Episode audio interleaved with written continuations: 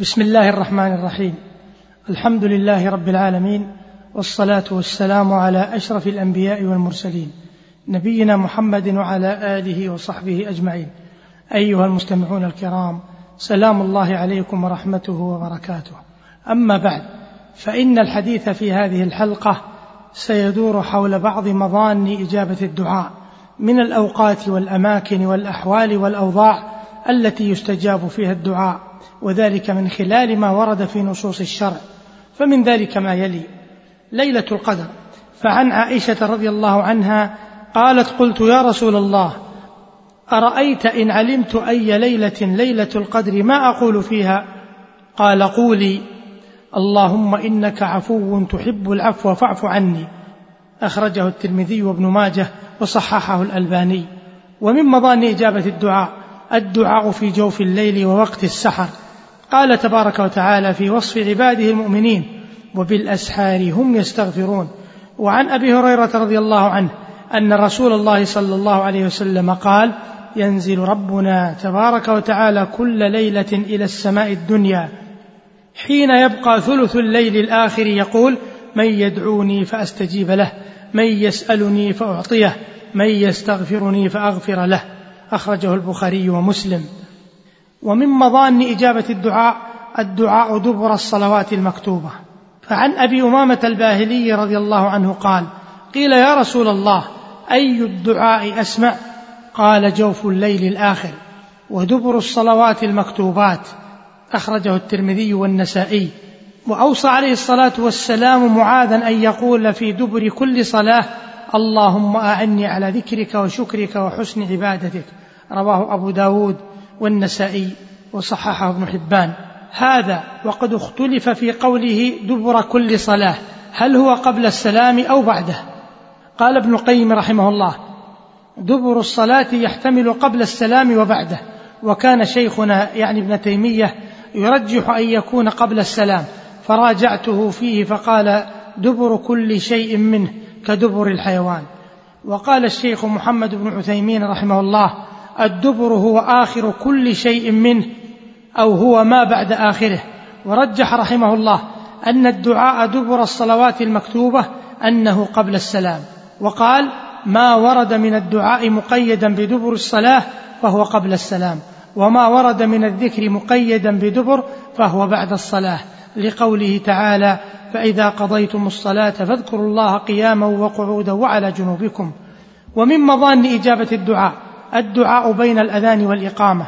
فعن أنس بن مالك رضي الله عنه قال قال رسول الله صلى الله عليه وسلم الدعاء لا يرد بين الأذان والإقامة فادعوا رواه أبو داود والترمذي وصححه الألباني.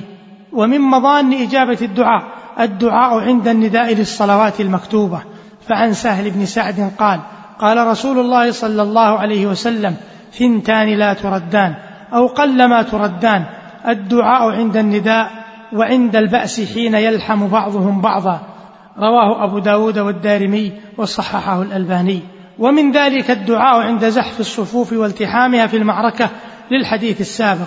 وعند نزول الغيث فعن سهل بن سعد رضي الله عنه. قال قال رسول الله صلى الله عليه وسلم ثنتان ما تردان الدعاء عند النداء وتحت المطر أخرجه الحاكم وأبو داود وحسنه الألباني. ومن مظان إجابة الدعاء ساعة من الليل. قال عليه الصلاة والسلام إن في الليل ساعة لا يوافقها رجل مسلم يسأل الله خيرا من أمر الدنيا والآخرة إلا أعطاه إياها وذلك كل ليلة. رواه مسلم. ومن ذلك الساعة التي في يوم الجمعة فعن أبي هريرة رضي الله عنه أن رسول الله صلى الله عليه وسلم ذكر يوم الجمعة فقال فيه ساعة لا يوافقها عبد مسلم قائم يصلي يسأل الله تعالى شيئا إلا أعطاه إياه وأشار بيده يقللها. رواه البخاري ومسلم. وقد اختلف العلماء في تحديد وقت تلك الساعة فقيل إنها وقت دخول الخطيب وقيل إنها بعد العصر ورجح هذا القول ابن القيم رحمه الله. ومن مظان إجابة الدعاء. الدعاء عند شرب ماء زمزم. فعن جابر رضي الله عنه عن النبي صلى الله عليه وسلم قال ماء زمزم لما شرب له أخرجه أحمد وابن ماجه وصححه الألباني. ومن تلك المواطن الدعاء في السجود. قال صلى الله عليه وسلم أقرب ما يكون العبد من ربه وهو ساجد فأكثر الدعاء رواه مسلم. وكذلك الدعاء يوم عرفة. قال عليه الصلاة والسلام خير الدعاء دعاء يوم عرفة. رواه مالك والترمذي وحسنه الألباني. ومن مظان إجابة الدعاء دعاء المسلم عقب الوضوء. فعن عمر بن الخطاب رضي الله عنه أن النبي صلى الله عليه وسلم قال ما منكم من أحد يتوضأ فيسبغ الوضوء. ثم يقول أشهد أن لا إله إلا الله وحده لا شريك له وأشهد أن محمدا عبده ورسوله.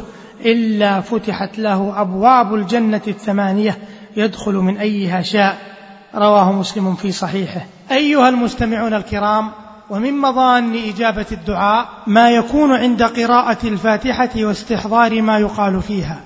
لحديث أبي هريرة رضي الله عنه كما في صحيح مسلم قال سمعت النبي صلى الله عليه وسلم يقول قال الله تعالى قسمت الصلاة بيني وبين عبدي نصفين ولعبدي ما سأل. فإذا قال العبد الحمد لله رب العالمين قال الله تعالى حمدني عبدي. وإذا قال الرحمن الرحيم قال الله تعالى أثنى علي عبدي. وإذا قال مالك يوم الدين قال مجدني عبدي. وقال مرة فوض إلي عبدي. فإذا قال إياك نعبد وإياك نستعين قال هذا بيني وبين عبدي ولعبدي ما سأل.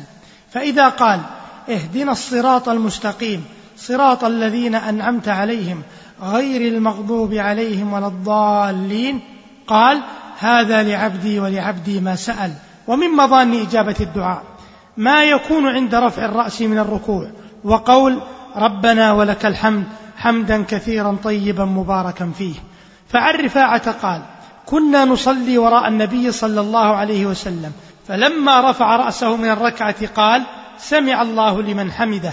قال رجل وراءه ربنا ولك الحمد حمدا كثيرا طيبا مباركا فيه. فلما انصرف قال من المتكلم؟ قال أنا. قال رأيت بضعة وثلاثين ملكا يبتدرونها أيهم يكتبها أول؟ رواه البخاري. ومن مظان إجابة الدعاء ما يكون عند التأمين في الصلاة.